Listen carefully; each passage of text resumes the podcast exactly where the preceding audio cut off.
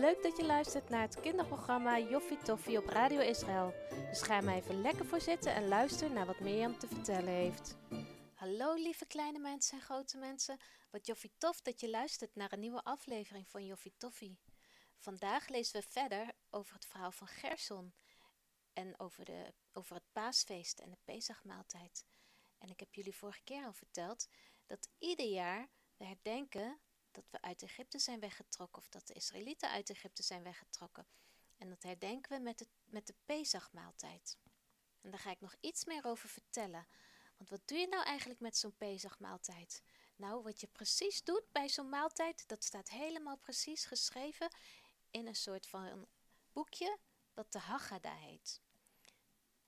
En wat staat er nou in dat boekje? Daar staat in wat je allemaal kan lezen, wat je kan zeggen en wat je allemaal moet doen. Er staan bijvoorbeeld twee Shabbatskaarsen op de tafel van de zedemaaltijd. Er ligt een kom met water met een doekje waar je je handen in kan wassen. En er liggen matzes klaar. En die matzes, dat vind ik toch eigenlijk wel het leukste van de hele zedemaaltijd. Want op een gegeven moment dan wordt een van de drie matzes die wordt gebroken. En dan wordt een stukje van het gebroken matzes die wordt verstopt. En dan mogen de kinderen gaan zoeken. En de kinderen die het, en degene die het vindt, die krijgt een kleine prijs. En dat is op zich al superleuk. Wat ik er ook zo mooi aan vind, is dat het ons doet denken aan Yeshua en het lichaam van Yeshua. Dat voor ons gebroken is, dat voor ons aan het kruis gestorven is. En weet je wat ik ook zelfs heb gehoord? Dat toen Jezus het brood brak, dat het eigenlijk het moment was waarop hij de Avikoman brak. Zoals we de Israëlieten Joden nog steeds doen nu met uh, de zedemaaltijd. En dat stukje gebroken brood, dat wordt dan niet zomaar verstopt, maar dat wordt eerst ingepakt. Het wordt in een envelop gedaan, in een uh, etuietje. En daarna wordt het verstopt. En zo is het lichaam van Jezus is ook in doeken gewikkeld toen het begraven werd. En zo zitten er in de hele zedemaaltijd een heleboel verwijzingen en aanwijzingen naar uh, Yeshua. En dat is zo mooi om te zien. Daarom wil ik ook echt iedereen aanraden om een keer de zedemaaltijd met elkaar te vieren. En in de Bijbel in 1 Corinthians 23 en verder, daar staat het volgende, wat jullie denk ik allemaal wel heel goed kennen, wat we ook lezen als we het avondmaal vieren. In de nacht waarin de Heer Jezus werd uitgeleverd, nam hij het brood, hij sprak het dankgebed uit en brak het brood en zei: Dit is mijn lichaam voor jullie. Doe dit telkens opnieuw om aan mij te denken. Kijk eens, Caleb, zie je de vuurkolom? roept Gerso enthousiast. Caleb kijkt omhoog. De afgelopen nacht had de vuurkolom het licht, het volk licht gegeven en warmte. En nu komt de zon net op en het vuur en de wolk dooft langzaam uit. Een mooie witte wolk drijft nu voor het volk uit in de lucht. God wijst de weg en de Israëlieten zijn zo blij. Ze lopen door de woestijn. Egypte ligt nu achter hen. En het volk Israël lijkt wel op een leger. Zo netjes lopen de mensen naast elkaar. Papa heeft aan Gerson verteld dat er niet alleen Israëlieten meelopen. Er zijn ook vreemdelingen bij, mensen uit allerlei landen. Ze hebben gezien hoe machtig de God van Israël is. En nu willen ze ook bij het volk van de Israëlieten gaan horen. Gerson kijkt om zich heen. Zal hij zijn vriend Paki en Amon binnenkort weer zien? Dan komt het bevel van Mozes. God zegt dat we hier onze tenten neer moeten zetten. De mensen gaan vlug aan het werk. Gerson en Caleb helpen goed mee. Ineens klinkt er een luide schreeuw. De mensen kijken verschrikt op. Een jonge man wijst in de verte. Daar in de woestijn zien ze grote stofwolken. Het zijn de Egyptenaren, roept de man. Gerson kijkt verschrikt en rent naar papa toe. Is het waar? vraagt hij bang. Papa legt zijn hand op Gersons hoofd en zegt rustig: Ja, het zijn de Egyptenaren. Om hen heen beginnen mensen in, in paniek door elkaar te rennen. Anderen vallen neer op de grond en beginnen het uit te roepen naar God. Gersel kan wel zien dat ze heel erg bang zijn. En hij voelt zelf ook een grote knoop in zijn maag. Als hij naar Caleb kijkt, ziet hij dat er bij Caleb tranen over zijn wangen lopen. Er zijn ook mensen die boos worden. Ze gaan naar Mozes toe en roepen: Waarom heeft hij ons meegenomen deze woestijn in? Moeten we soms hier sterven? Waarom zijn we niet in Egypte gebleven? We hadden daar veel beter als slaven kunnen werken. Mozes blijft heel rustig. Jullie hoeven niet bang te zijn. Houd moed. De Heer zal ons vandaag redden. Hij wijst naar de stofwolk in de verte. De Egyptenaren die jullie daar zien aankomen, zul je tot in eeuwigheid niet meer terugzien.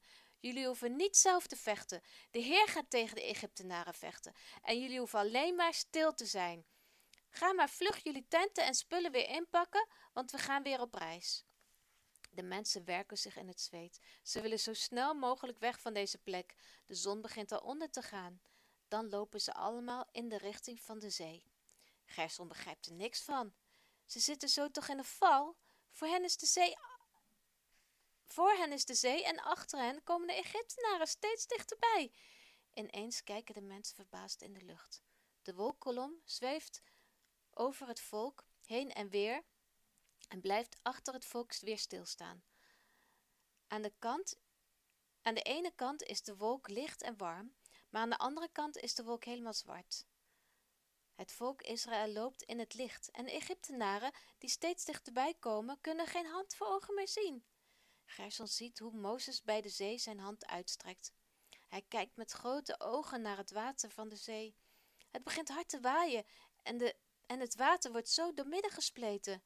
In het midden komt er een droog pad en iedereen begint weer te lopen. Papa geeft Gerson een hand en mama loopt met Tirza en Caleb voor hen. Ze stappen zo de bodem van de zee op. Links en rechts staat het water als een hoge muur. Alle mensen en dieren kunnen zo tussen de muur en het water, muren van water, naar de overkant lopen. En niemand wordt nat. Wat een machtige God dienen wij, roept papa uit. Als Gerson aan de overkant weer op het strand staat, is hij er helemaal stil van. Wat een groot wonder van God! Hij kijkt naar zijn schoenen. Die zijn helemaal droog gebleven. Na een hele tijd zijn alle Israëlieten aan de overkant gekomen. Iedereen kijkt over de Schelfzee. De nacht is voorbij. Hoe zal het nu verder gaan? Gerson schrikt als hij naast zich iemand hoort roepen: Kijk, de Egyptenaren, ze komen achter ons aan. Het is echt waar. Over het pad komen de strijdwagens dichterbij. Denk aan wat Mozes gezegd heeft, hoort Gerson papa zeggen. De Heer zal voor ons strijden en wij hoeven alleen maar stil te zijn. Wat Gerson dan ziet, zal hij nooit meer vergeten. Hij ziet hoe de wielen van de strijdwagens blijven steken in het zand. Hij ziet de Egyptenaren met hun zwepen slaan naar de paarden. Ze kunnen zelfs het geschreeuw van de soldaten horen. De wagens komen steeds moeilijker vooruit. De Egyptenaren zijn helemaal in de war. Ze proberen hun strijdwagens nog te keren, maar er is geen redden meer aan. Gerson kijkt opzij en ziet hoe Mozes weer zijn hand uitsteekt over de zee. Met een groot geraas storten de muren van het water in. Alle Egyptenaren met hun paarden en hun wagens verdwijnen onder water. Het is ineens helemaal stil. Dan begint Mozes te zingen. En al snel gaan er meer mensen zingen. Gerson luistert goed. En als hij de wijs te pakken heeft, zingt hij ook met volle borst mee. Zing voor de Heer, want hij is hoog verheven. Het paard en zijn ruiten stortte hij in zee. Het is een prachtig lied. De Israëlieten eren en prijzen de Heer, die hen op zo'n bijzondere manier uit het land van de Egyptenaren heeft bevrijd. Vol van blijdschap pakt Mirjam, de zus van Mozes, haar tamboerijn. En nog veel meer vrouwen doen met haar mee. Ze maken muziek en dansen vrolijk in de rijdans. Gerson kan er niets aan doen, maar hij heeft tranen in zijn ogen. Hij was al zo bij, het was al zo bijzonder om uit Israël weg te gaan, maar wat hij vandaag heeft gezien, zorgt ervoor dat hij vol ontzag is voor de Heere God. Wauw, wie! Zomaar door de zee heen lopen en met droge voeten aan de overkant komen. Wauw, wat had ik daar graag bij geweest, zeg. Maar wel superleuk dat we het verhaal nog terug kunnen luisteren en horen en aan elkaar door kunnen vertellen. En volgende week gaat het verhaal nog verder. Luisteren jullie dan weer? Tot dan! Dit was Joffie Toffie, het kinderprogramma van Radio Israël. Wil je nog graag iets kwijt? Stuur ons dan gerust een berichtje op joffitoffie.radioisrael.nl De presentatie was in handen van Mirjam en we vonden het joffie tof dat je luisterde en hopen dat je er volgende keer weer bij bent.